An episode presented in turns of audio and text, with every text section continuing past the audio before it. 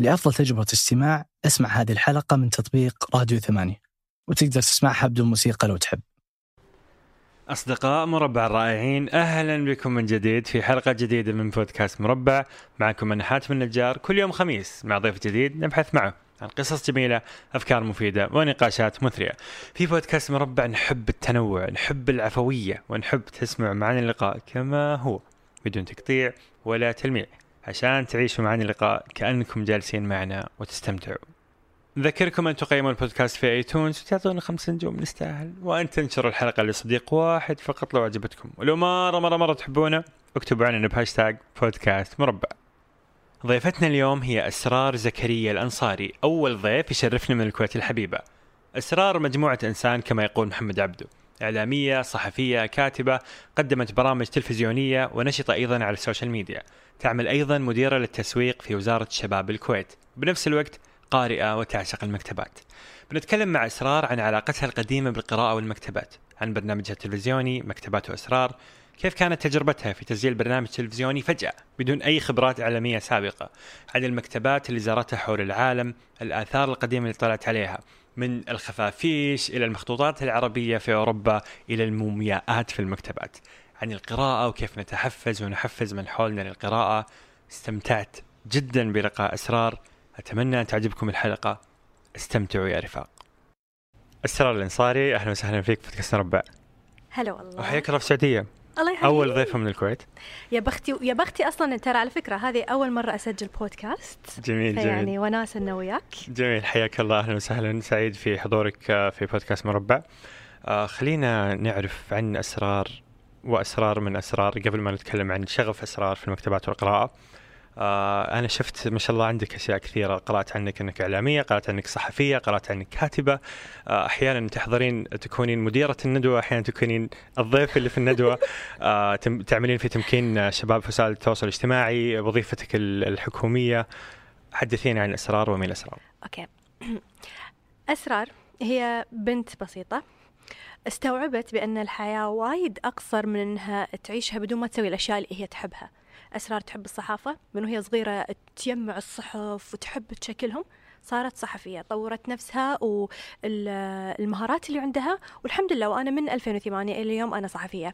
أسرار بنت تحب الكتب والكتابة والقراءة من وهي صغيرة ومن أسرة أدبية أساسا. فهذا الشيء حفزني وكان بيئة صح أن أنا أكبر أقرأ وبنفس الوقت خلاني أنا أكتب. وصار عندي كتاب الحمد لله وعن القصص وكان له أصداء جميلة جدا في الكويت وفي الخليج والوطن العربي. آه، بعدها أسرار أصلا ما مرات ما تت يعني تعتمد على القراءة الورقية فقط لكن تحب مصادر المعرفة اللي عندها تنوعها. تحب الأفلام الوثائقية والبرامج الوثائقية. أسرار في يوم من الأيام انعرض عليها أن هي تقدم برنامج وثائقي عن شغفها الأكبر المكتبات والسفر وغيرها والحضارات والثقافات حصلت لي الفرصة وقدمته بالطريقة اللي أنا حسيت أن أنا أبي أشوفها فيها. فلو تقول لي وزارة الشباب أعمل في وزارة الشباب آه، يا الموضوع هذا مع أن أنا ما كنت متخيلة يعني أنا كنت أشوف نفسي أكاديمية ترى على فكرة وأدرس لكن لما اشتغلت في الجامعة في الانتخابات في شيء مني أحس خلاص جزء من أسرار وهبته للمجتمع. بالجامعة كانت تساعد الطلبة أو توصل صوتهم حق الإدارة وكيت وغيره. لما كبرت حسيت أن آه، الدولة محتاجة إلى أنها تشوف الشباب بطريقة ثانية وهذا الشيء راح يتم من الشباب نفسهم مو بس من الناس. فلذلك فبدأت وظيفتك بالضبط. وظيفتي أنا أرأس التسويق الاستراتيجي في وزارة الشباب. آه، عملي آه، وزارة الشباب هي وزارة حديثة التأسيس. أشتغل على التسويق يعني مو أسوق الوزارة عشان الناس يجون يشترون شيء من الوزارة. لا إحنا عندنا ندعم الشباب بمبادرتهم الشبابية. فأنا مو بس أسوق آه، مشاريع الوزارة لكن أنا كذلك آه، ثقافة المبادرة وثقافة أن الواحد يعطي من عنده للمجتمع عشان يفيده. فهذه من ضمن الأشياء اللي أنا أشتغل عليها. وأمور كثيرة ترى ما نخلص ما نخلص. جميل. دائما اللي يسوي أكثر من شيء وخصوصا لو كان بين الأشياء في اختلاف كبير. من تسويق إلى عمل حكومي إلى سناب شات إلى انفلونسر إلى برنامج إلى كتابة دائما نسمع اللي آه لا ما راح تنجح انت قاعد تتشتت ما أدري إيش. كيف كانت تجربتك مع التنوع بالضبط وايد ناس كانوا يقولون إن ما يشوفون هذه الأشياء تكمل بعض أو إن كل شيء شق الصحافة بروح آه، الكتابة الأدبية بروح آه، ال- التلفزيون والبرامج بروح الوزارة بروح أنا أشوفهم يكملون بعض تدري ليش؟ آه، الصحافة هي واحدة واحدة. في كتاب في ال- كتابتي الأدبية أنا أساسا آه، الجانب اللي سويته واللي شجعني إني أنا أكتب قصص الناس وأجمعها وأحطها. ترى الصحافة حسي الصحفي هذا الاستقصاء القصص وشلون أحط المميز. هذا شيء. الشيء الثاني حتى في البرامج يعني أنا لما قاعدة أروح جات لي فترة قبل برنامج التلفزيون كنت معلوماتي وفي السفر والأشياء اللي كنت أكتبها سابقا وأنزلها في مقال ولا أنزلها في تحقيق صحفي ولا غيره كنت أحطها على سناب شات لأن الناس يد قالت لي أسرار أنت لما تسافرين تروحين أماكن حلوة ودنا نشوفها بعيننا ما, ما نبي نقرأ عنها بس. وأنت الحين الوقت عندك متغير والتكنولوجيا تفرض عليك أشياء وحتى أحيانا تسهل لك. بدأ معي هذا الموضوع أنا قاعدة أسافر قاعدة أشوف أماكن بدال لا أكتب عنها وأنشرها في جريدة أنا قاعدة أقولها بالصوت والصورة. وهذا الإعلام كله اتجه إلى هذه الطريقة أساسا. بعدها البرنامج نفس الشيء. أسرار اللي قاعدة تسويه كصحفية تروح تدور تنبش على المعلومات مني منك قاعدة تسويها في برنامج تلفزيوني. طيب العمل النقابي التطوعي آه، وبعدها العمل الحكومي. أنت ككاتب كصحفي ما راح تستلهم كتاباتك ومواضيعك آه، بشكل صحيح ودقيق وجميل جدا ويأثر في الناس إلا إذا كنت بينهم. من تجربة. إنك تكون بينهم. أنت تكتب أنت الحين قاعد تشوف في مشكلة حقيقية مثلا آه بالأدب مثلا مشكلة حقيقية في الصحة. أنت إذا ما كنت بين الناس وقاعده تشوف وقاعد تأكد مو في قوقعة معينة أنت ما راح تحس. فاحيانا أحيانا ضروري إنك تكون بين الناس. فأنا هذا اللي أسويه. وأنا أساسا انسانه workaholic على فكرة. ترى أنا إذا قعدت بال weekend مرات أين لأنه ما عندي شيء أسويه. حلو جميل جدا. طيب خلينا نتكلم عن برنامجك الجميل جدا مكتبات وأسرار. آه ال- الاسم أول شيء الاسم اللي اخترعه؟ الاسم حلو ترى مكتبات ديناميديا. واسرار الشركة أسرار. المنتجة المنفذة دينو ميديا جميل جميل جدا. قبل لا نتكلم عن البرنامج إيش اللي خلى أسرار أصلا صالحة لبرنامج مثل هذا؟ إيش علاقتك المبكرة بالقراءة وبالمكتبات آه، في two factors عاملين.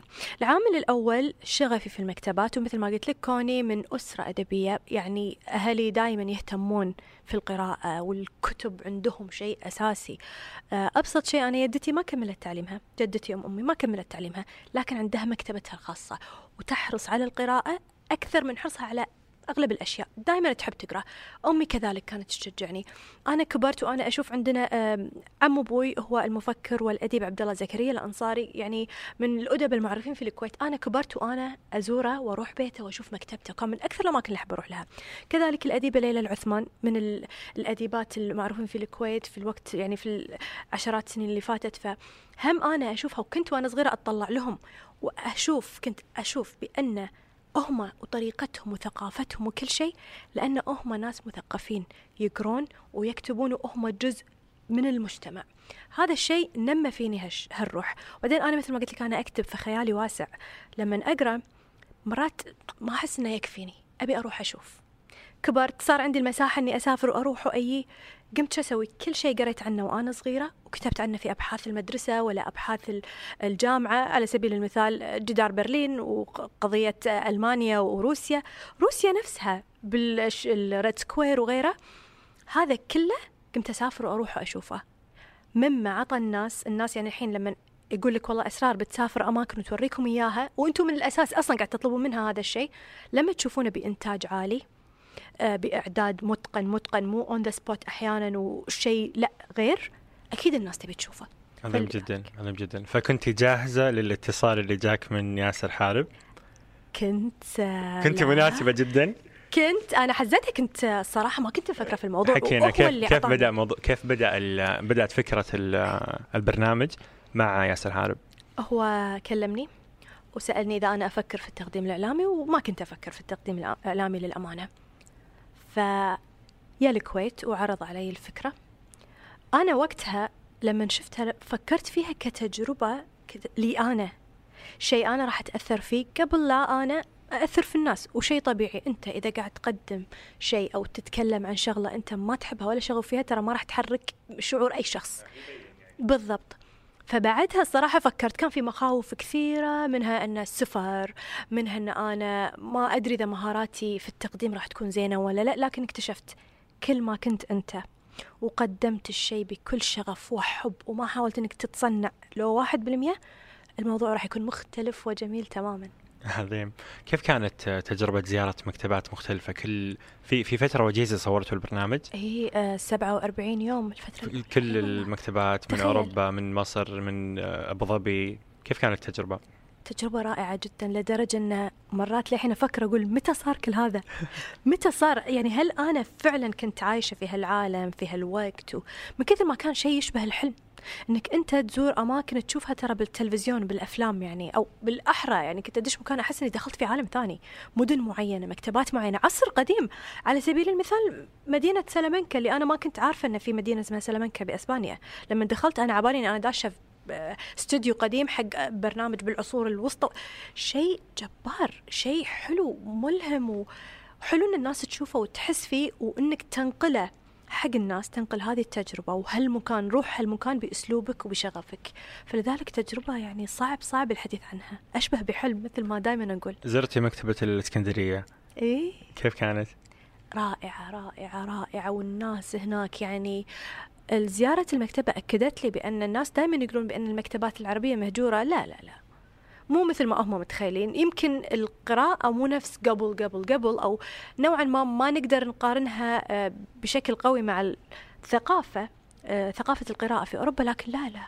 بالعكس جميلة جدا. يا الله على جمالها. تحسين أثرتك تجربة المكتبات شخصيا؟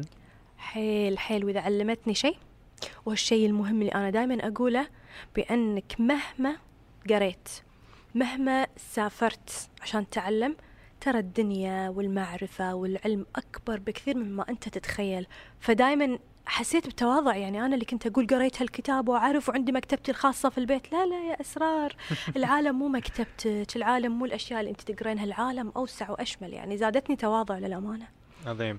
إيش أهمية المكتبة؟ يعني الحين نعرف في كتب إلكترونية في آيباد في ليش ضروري المكتبة؟ إيش تعني المكتبة للقراءة والثقافة؟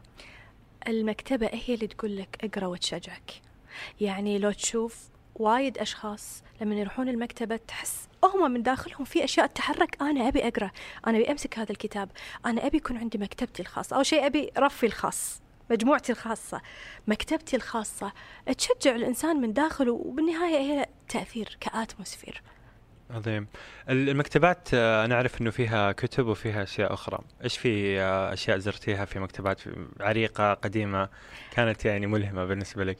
المخطوطات طبعا شيء جميل جدا وأساسي واللي لفتني طبعا آه، مدى فخر واعتزاز المكتبات الأجنبية بال بالمقتنيات العربية على فكرة. يعني المخطوطات الأصلية وكذا؟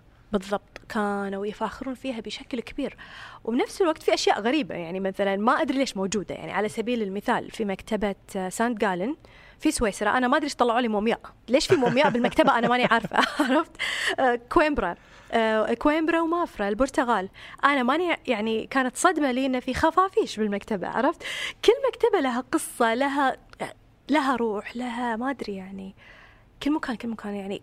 وكنت دائما كل ما أدخل مكتبة يصير فيني واو هذه أحلى مكتبة زرتها خلاص أروح المكتبة اللي بعدها. وين اللي قبل؟ هذه أحلى واحدة ليه آخر ليه آخر حلقة وأنا كل ما دخلت مكتبة أقول هذه أحلى مكتبة. إلى الآن ما, ما تذكرين واحدة كانت هي أحلى واحدة فعلا؟ لا اللي أنا أحبها صدق وايد يعني أحس إن هي اللي صدق أحلى والأقرب مكتبة قصر مافرا. ليش؟ في البرتغال. تصميمها طبعا كل مكتبة تصميمها المعماري شيء جبار لكن هذه كانت مختلفة.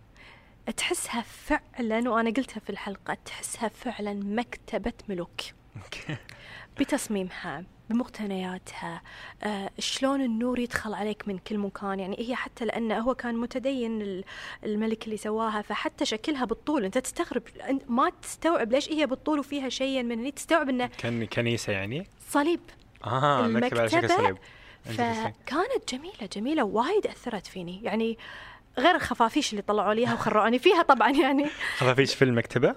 اي كانوا مح... يعني لأن ما نوعا ما انتقدت وتحلطمت وتدردمت إنه يعني أنا شلون تبوني أقول قدام الناس معلومة ان في خفافيش آه، مستعمرات من الخفافيش تعيش من 300 سنة أوف. فهم نوعا ما حسوا إن هذه إيش فيها؟ إيش فيها قاعد تتكلم كذي؟ إنه قاعد تكذبنا راح طلع لي قلت له أنت متأكد من هالمعلومة يعني وقاعد أقولها بطريقه إنه أنت إيش قاعد تسوي؟ جاب لي صينية فيها خفافيش محنطة امم لما سالته شنو هذا؟ هذا حق الناس اللي نفسك اللي يشككون في المعلومة؟ فبالفعل لما استوعبت بعدين لأن من أيام قبل انه كانت الكتب سهل إنها تنتلف وأكثر شيء يتلفونها اللي هي الحشرات اللي تاكل الكتب آه، والحرائق. فكان حل مشكلة الحشرات إنه ما يذبحون الخفافيش يخلونها لأنها في الليل تتغذى على هالحشرات وهالحشرات بالتالي ما تتغذى على الكتب. والحين خلوها لأنه خلاص صارت إرث يعني. جميل المكتبات القديمة كيف كانت تجربة زيارتها؟ يا. ح... أنا أعرف إنه قروشه لما تدخل مكتبة قديمة واهتمامهم بال بالتفاصيل أيوة. بكل شيء يعني من أقدم المكتبات اللي مالت سويسرا ثالث أقدم مكتبة في العالم ما كانوا يسمحون لنا تكرم ندخل في جواتينا لازم تفسخون كل شيء وتلبسون شيء خاص على أساس لما تمشون بس يعني ما تخربون ال- الخشب الأرضية. الأرضية. إي والله. الله. كانوا حتى في مخطوطات معينة أو كتب معينة لما يطلعون لنا إياها يجيبون جهاز صغير يقيس الضوء. ليش؟ عشان الضوء ما يأثر على هذه الكتب الحساسة. الله. في اهتمام مو طبيعي. عظيم. إذا بنتكلم عن وضع ال- العالم العربي الآن مع المكتبات ومع القراءة والثقافة عموما أنا أشوفك متفائله أكثر من بعض المتشائمين اللي يقولون الع- العرب ما يقرؤون وكذا. إيه. فبسألك اولا ليش متفائلة؟ إيش المشهد اللي تشوفينه في العالم العربي اللي يخليك تحسين إنه لا في ناس فعلا تقرأ؟ الحركات الثقافية. الحركات الثقافية في تزايد كبير جدا وإقبال الناس على القراءة والكتابة أيضا. وأن في ناس قالوا لا ما يصير كل من يكتب و... في شخص يحس إنه يبي يكتب في ناس راح تقرأ والإنسان عادة دائما يكبر على الشيء اللي يسويه. يقرأ في شيء معين تلقاه خلاص آه، الفضول وحب المعرفة. أو حتى لو أحيانا على فكرة حتى لو الشخص يقول لك والله الرواية مو مصدر للمعرفة لا أوكي. حتى لو ما قرأ هو قاعد يحس بالشعوب. وفي روايات كثير تعرفك على العالم تحرك فيك أحيانا. وهم تغذيك بالمعرفة. بشكل غير مباشر. أنا متفائلة لأني أنا دائما أكون في وسط الحركات الثقافية. أحرص إني أنا أتواجد إني أتعلم إني أروح أسمع. أنا وايد أحب أسمع. فما كنت أسافر حق الأشياء حتى الأشياء الموجودة وحتى معارض الكتاب. أنا من صغري من صغري أهلي كانوا يحرصون اني يودوني وأنا كانت رحلتي المفضلة في نوفمبر معرض الكتاب في الكويت. فقاعدة أشوف شلون إنه بالفعل لا لا سنة عن سنة عن سنة عدد المرتادين قاعد يكبر. وحتى لو كانوا بالبداية يدورون يدورون أقل شيء بيطلع له بكتاب كتابين بيقرأ وهالشيء راح يزيد معاه. فأنا لا متفائلة وأتوقع راح يصير في شيء مو طبيعي حتى اهتمام الحكومات.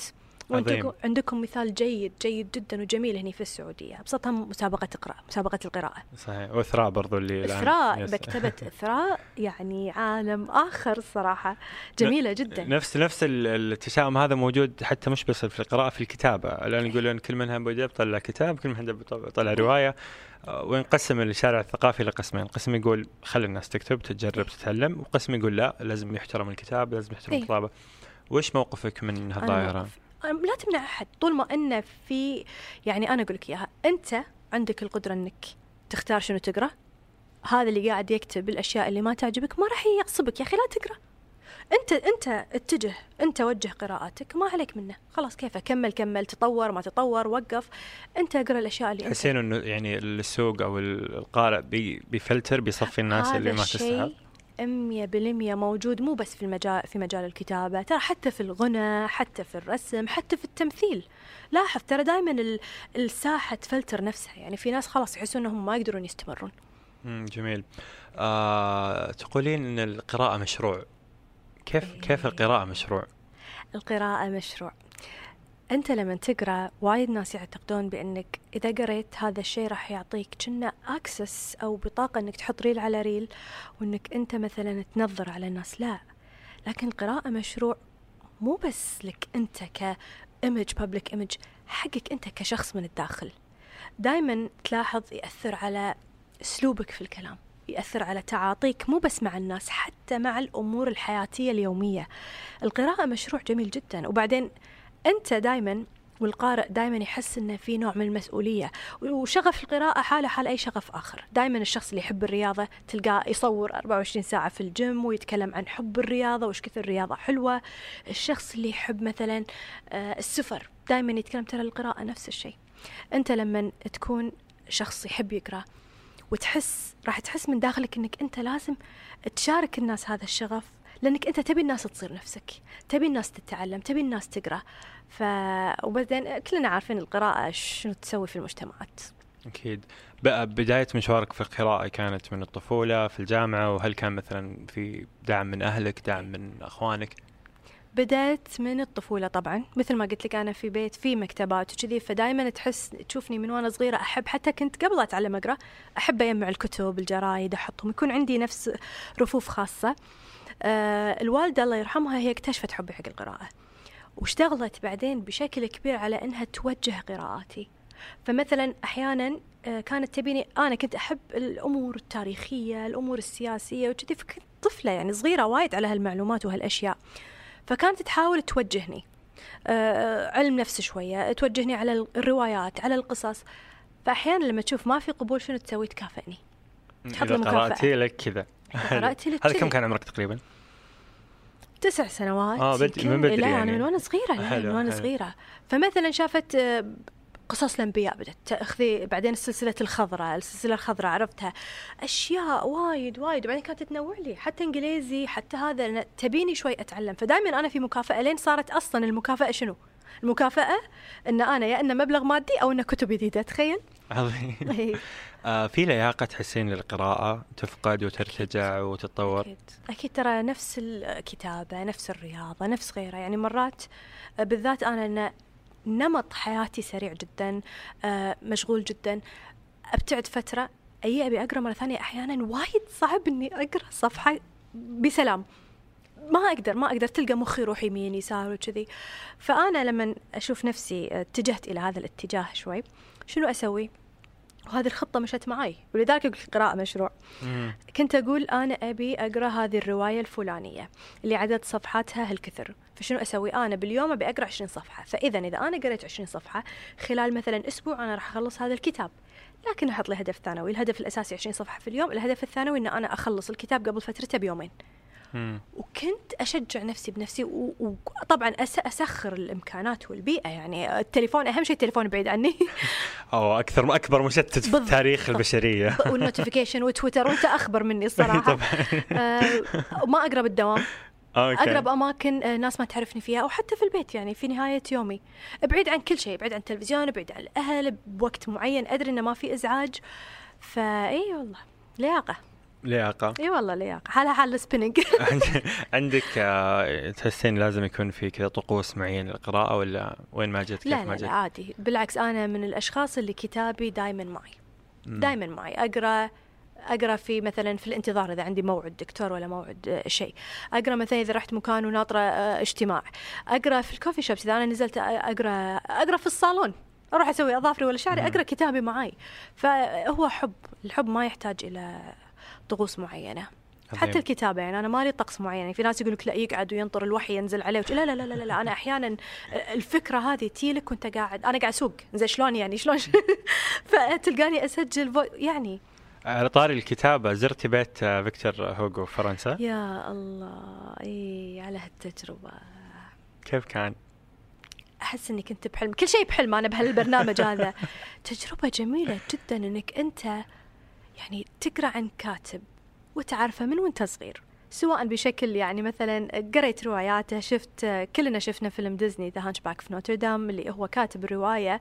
ولا مثلا إذا أنا كنت وأنا صغيرة كنت abuse مرات عرفت؟ يعني كذي yeah. وايد مزاجية moody فكانت الوالدة يعني تطفرني بهالحالة تقول لي البؤساء. رواية البؤساء طبعا رواية إيه أنا عارفة. فتخيل ان, إن أنت وسبحان الله على كثر ما رحت باريس ولا مرة صدف ودخلت. فلما دخلت يعني كان شيء عظيم من كثر ما كنت متأثرة في المكان آه شفت أشياء ما ما توقعت إني أشوفها يعني مثلا عطونا تخيل إنه هو طقوس الكتابة عنده دائما إنه يكتب وهو واقف ويحط أوراقه في الجنطة ويروح تخيل إن الجنطة اللي فيكتور فيكتور يكتب فيها ويمسكها أنا فتحتها وحطوه موجود الفيديو في انستغرام في الستو في ال post عندي. آه، مسكت بايدي رسايله حق عشيقته يعني ما أدري إيش هالعشيقه اللي 50 سنة يعني بس إنه يعني آه، قريت مسكته طبعا ما فهمت شيء بس إنه خط إيده آه، أوراقه أقلامه آه، وهو ما زالوا محتفظين في الأقلام وحاطينها اللي كتب فيها رواية البؤساء عظيم. كل هذا شفته يعني الفراش اللي مات عليه كنت واقفة يمه وشالوا لي الأحمر هذا اللي كان مسكر لأنه restricted area. ودخلت. يا الله على التجربه ترى ما راح أخلص يعني أخلص البودكاست وأنا أسولف عنها عظيم جدا. إيش في أماكن أخرى تذكرينها دائما من من تجربة البرنامج؟ كل مكان كل موقع كل شخص في أشخاص ما أنساهم. يعني كل شعور لما طق علينا مطر وعصبنا وتأخرت الحلقة هذا في أسبانيا. لما أنا كنت متأهبة إن آه، في الشه... في أول آه، أول كم مكان يعني في الشهر الأول إني راح أتعب من البرد. كوني بديت في فرنسا وسويسرا وألمانيا لكن المفاجأة كانت إن التعب كله كان والصدمة كانت إنه كان حر هناك وأنا جايبة ملابس شتوية والبرد وين نزل عليه ثلج؟ الله يخليك تخيل معاي وين؟ تدري وين؟ في وين؟ أسبانيا. الله. شلون وآخر ش... آخر شهر أربعة. آخر شهر أربعة اي شلون؟ آخر شهر خمسة آسفة. حلو. شلون؟ فكانت آه، تجربة حلوة ترى والله في كل شيء يعني تدري من الأشياء بعد اللي ما أنساها؟ لما رحت المكتبة اللورنسية في فلورنسا في إيطاليا. يعني أنا أعرف مايكل أنجلو كفنان كإنسان مجنون وخارج عن الأطر وكل شيء. لكن هو من أشكال الجنون اللي مارسه إنه كسر الأعراف العمارة الإيطالية الكلاسيكية. وين؟ في المكتبة اللورنسية. سوى الدري المدخل مالها. طبعا كانت على سواها في الدور الثاني لازم تصعد لها على أساس يحمونها من الفيضانات. لكن تشوف الدري انت أنت داش فيلم قديم. انت تجربه تجربة يعني صعب صعب. أقول ما أقدر. كل شيء كل شيء حلو. كل شيء غريب. كل شيء يأثر فيني. عظيم. آه كنت بسألك عن الإعلام. كنت من تويتر إنستغرام سناب شات. براحتك تصوري ال story أول ما يجي في بالك. فجأة وفجأة ما أدري صحيني إذا كنت غلطان إلى البرنامج. إيه. البرنامج الكبير جدا. كيف كانت تجربة الإعلام وكيف كانت النقلة هذه؟ وش حسيتي في كذا فرق بين ال social media والإعلام التقليدي الكبير؟ okay. طبعا طبعا الفرق ال- آه، إنك أنت الإنتاج عالي هو هو كانت تجربتك الأولى صح؟ تجربتي الأولى فجأة من تماماً. من الجوال لحالك في الغرفة إلى إيه لا وما كان عندي برنامج. اي ما كان عندي برنامج معين يعني أنا في الساعة الفلانية في اليوم الفلاني راح أسوي كذي لا كنت أتعامل معاه ترى شيء غير رسمي يعني حتى. لو تقول ما, ما حد يدري يعني وايد أسوي أشياء يوه فاتنا ما شفنا لأنه ما عندي جدول ألتزم فيه لكن كان عندي شغف معين فلما انتقلت طبعا ال quality طبعا جودة الشيء المقدم يعني لا يعلى عليها. آه لكن بنفس الوقت ترى مسؤولية. يعني أنت لما بتطلع تمثل مو بس تمثل نفسك ولا تمثل أسرتك. وبالذات أنا أقول لك أسرتي أدبية ومعروفة في مجال الثقافة. يعني أنا إذا خرجت كنموذج آه، صغير في العمر أنا يا إني أكون شيء زين وأتحمل المسؤولية يا إني راح أسوي شيء مو زين. يعني أهلي كلهم راح يكرهوني راح يتبرون مني. غير هذا إن أنا ما بديت في شيء محلي. أنا بديت وين؟ أنا بديت في شيء برا الكويت. فأنا صار عندي هاجس. أنا لازم أمثل البنت الكويتية في الإعلام بشكل آه أنا أشوفه لازم يكون جدا مشرف. فكانت مسؤولية كبيرة غير المخاوف. مخاوف إن أنا ما أدري راح أقدم ولا لا. راح أقدم زين. هذا الشيء اللي بعدين أكد لي ترى الشغف هو الأساس. لو أنت عندك أساسيات التقديم الإعلامي كلها ولو أنت متفوق لكن أنت قاعد تقدم شيء أنت ما تحبه ولا شغوف فيه الناس راح تعرف من نبرة صوتك من عينك. من حتى حتى الطريقة اللي أنت تتكلم فيها. هذا شيء. شيء ثاني عامل ال- الوقت. كان الوقت وايد ضيق وايد. أنت تدري شنو يعني ال- الحلقة الواحدة؟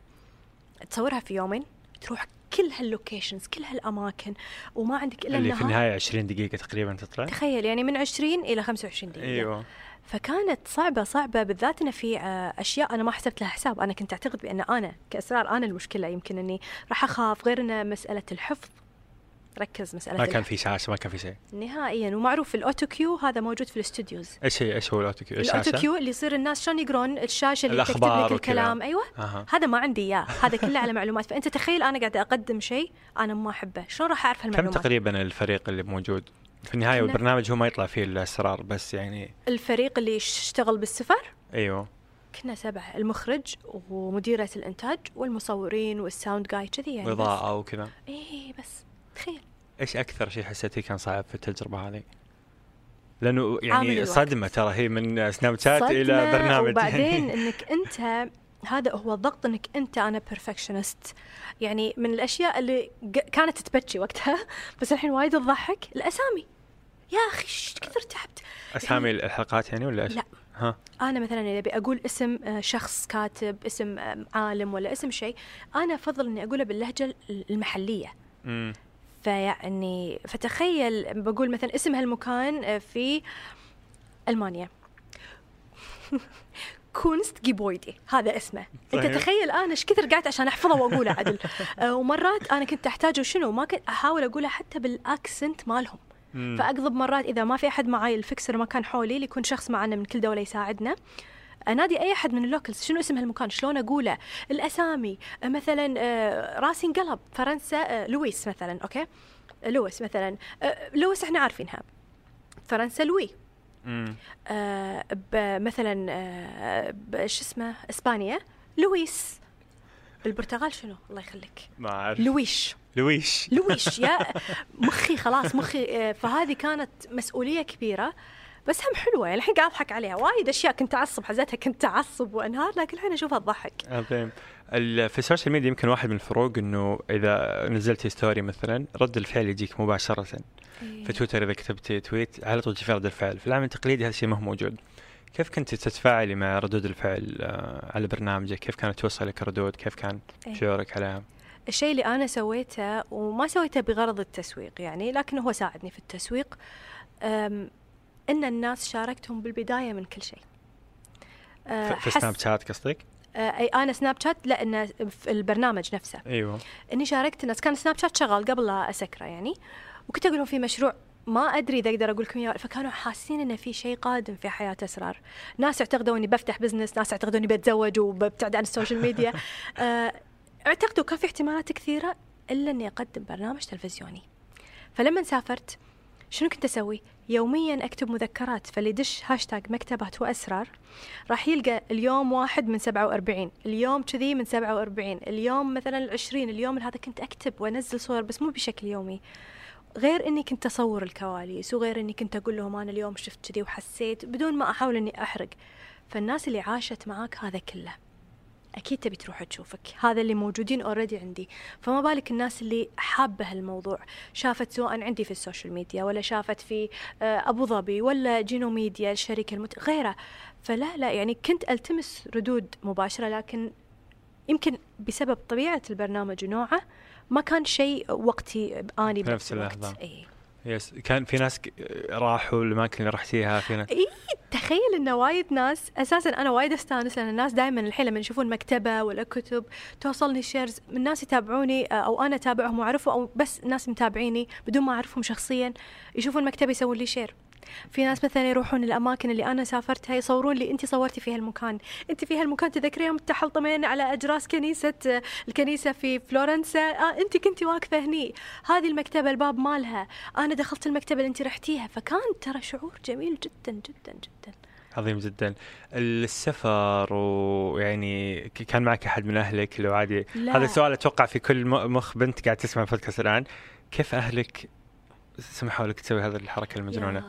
يعني غالبا السياحة ما نعرفها سياحة نروح ما مدري إيش نروح مطاعم نروح مولات.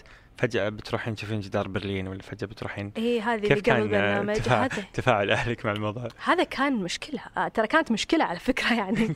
بالذات إن أنا يعني سفري يختلف نوعا ما. أنا أحب أشوف الأماكن اللي مثلا قريت عنها وأنا صغيرة شفت عنها أفلام مثلوا فيها فيلم الفلاني وكذي. فمو كل الناس تحب كذي. يعني أنا ما يصير أسافر مثلا ويا أبوي ويا خالي ويا أختي وأجبرهم يروحون هالأماكن وهالمتاحف هذه لأن أنا والله أحب هالشيء فكان الموضوع صعب في البداية مع أبوي يعني آه، يبا بروح برلين. ليش؟ آه، أبي أشوف أنا في كل حماس أبي أشوف Checkpoint Charlie وأبي أشوف جدار برلين وأبي أشوف محرقة اليهود اللي صارت المكان وكذي. وال gate اللي وقف عندها الرئيس الأمريكي وقال جورباتشوف open this gate أبي أشوف هذا كله. فأنا لما أقول حق أبوي كذي وابوي يطالعني ويقول لي بتسافرين عشان طوفة؟ ليه جدار لا هذه تاريخ هذه. نفس الشيء على روسيا. والله بروح أشوف المتحف اللي تحت الأرض الملجأ سوري اللي سواه ستالين. أبي أشوف ضريح لينين فلاديمير لينين الساحة الكنيسة. آه بتسافرين عشان حوش؟ لا يبا الموضوع مختلف.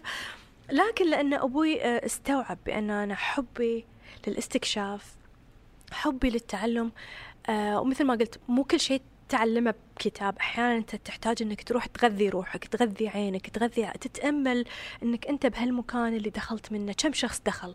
شنو. يعني على مر العصور شنو الأشياء اللي صارت فيها؟ يعني أنت تحتاج إنك تكون موجود. فكان وايد صعب للأمانة يعني.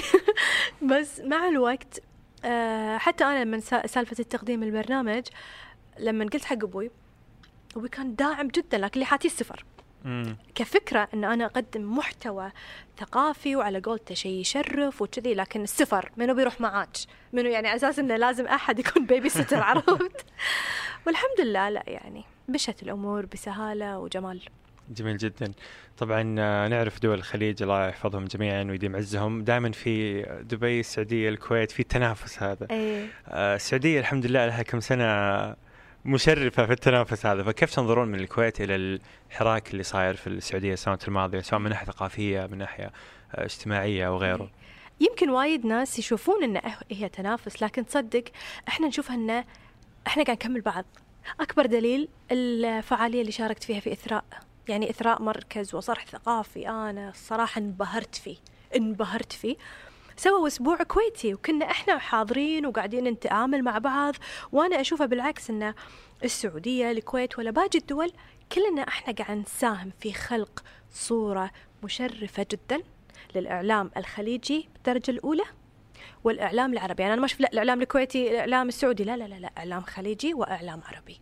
فأنا أشوفها بالعكس. إحنا كلنا نكمل بعض وكلنا يعني على فكرة لاحظ إن حتى أنتم عندكم الحركة الإعلامية الثقافية جميلة جدا وتستحق الإشادة الصراحة. يعني جهود الأفراد جهود المؤسسات جهود الحكومات. فهذا يفيدنا إحنا بعد. وإحنا بعد نكملكم. عظيم. إيش طموحك للشباب العربي والخليجي عموما؟ آه، أنت في النهاية انفلونسر لك تأثير كبير ومهتمه بالتأثير الثقافي مهتمه بنشر القراءة بنشر المكتبات بنشر الكتب. إيش طموحك؟ وين تشوفين الشيء اللي لازم نوصل له كمجتمع؟ إن الشخص يعيش شغفه وطول ما كان عنده رسالة وشيء هو شغوف فيه إلى درجة كبيرة شوفوا لوين راح يوصل. وأنا دائما أقول وجودي مثلا في هذه المنصات وهذه الوسائط أبي أكون مصدر إلهام للبنات بالذات أن على فكرة أنا شغوفة في الكتابة في الصحافة في الكتب في المكتبات في السفر في التعلم. شوفوا وين وصلت لأني مارست شغفي بالطريقة الصحيحة. ويعني كل شيء تم بالتدرج. يعني أنا ترى البداية كلها ترى من 2008 ها؟ يعني مم. وايد ناس يعتقدون. لكن أنا الخط اللي مشيت فيه الاوبستكلز الأشياء الصعوبات منها خوف الأهل منها إن آه أنت مرات تحاتي المجتمع وغيره. لكن بالعكس أبي أكون مصدر إلهام حق أي بنت تحس إنها هي مو قادرة تسوي شيء وفي أشياء صعبة. فخل الأشخاص اللي أحس يا يا جماعة الحياة وايد أكثر وايد أكثر من إنكم ما تعيشون شغفكم وتسوون الشيء اللي أنتم تحبونه ومقتنعين فيه. ويكون عندكم رسالة سامية يعني. ترى بالنهاية أنا أحيانا الله أنا أحب شيء ممكن خطر علي ولا لا. شيء أنت عارف إنه راح يشرفك يشرف أهلك يشرف بلدك يأثر في الناس بشكل جميل. روح روح روح روح ودربك خضر ويعني السرعة قصوى على طاري البنات تحسين أنا بديت ألاحظ في الندوات الثقافية والقراءة في حضور قوي من النساء يعني إيه؟ ما أدري تلاحظين هالشيء؟ اي طبعا أحس بيكم قاعدين يفوزون علينا إيش إيش لا طبعا ألاحظ هذا الشيء ليه ليش تتوقعين هذا اللي لا يمكن لأن. إحنا عددنا أكثر منكم؟ لا لا لكن أنا أشوف الثقافة مو محصورة برجل أو امرأة لأن بالنهاية هو العقل. هو عقل بس هو من ال- ترى الجنسين أنا ألاحظ ما تحسين إنه في أكثر يمكن أنا مت- متحيز قاعد أحس إنه قاعدين نختار ما أدري ممكن يمكن لا شوف إحنا عددنا أكثر منكم أساسا في كل؟ مكان جد والله؟ أي. كيف؟ والله ما أدري كعدد. سكان يعني ولا؟ إي عادة يعني البنات أكثر معروف والله يمكن أوكي. يعني يلا الله يقوينا عاد. أنا أحس شفتي يأشرون هني ها؟ يأشر. إيه. يعني صراحة اللقاء لا يمل وسوالف لا تمل بس ندري إنك مستعجل وراك طيارة. متخيل يعني إنه وراي طيارة يعني؟ إيه ف... فما ودنا تروح لك الطيارة. شكرا جزيلا لك. وسعيد بصادقك في بودكاست مربع. ما قصرت وإن شاء الله يكون آه يعني اللقاء جميل وخفيف على على المستمعين. وإن شاء الله عاد بيضناها وياك. لا والله ما من. الكويت ما بيضتها. قصرت والله ما قصرت. وهذا هذا الممثل الأول للكويت. آه، المنافسة الآن انت المركز الأول. آه زين أشوى. الحمد لله إذا ما قصرت. ثانيين نشوف إن شاء الله. ما قصرت. لا والله كان لقاء. جميل جدا. ما قصرت شكرا لك. شكرا لكم مستمعين بودكاست مربع. نأتيكم كل خميس. شوف خميس مق... شوف. بس أنا ما أقطع ولا ألمع. اي لا تقطع. أنا عادي أنا ما اتفش تنزل زي ما هي. شوفكم الخميس المقبل. والسلام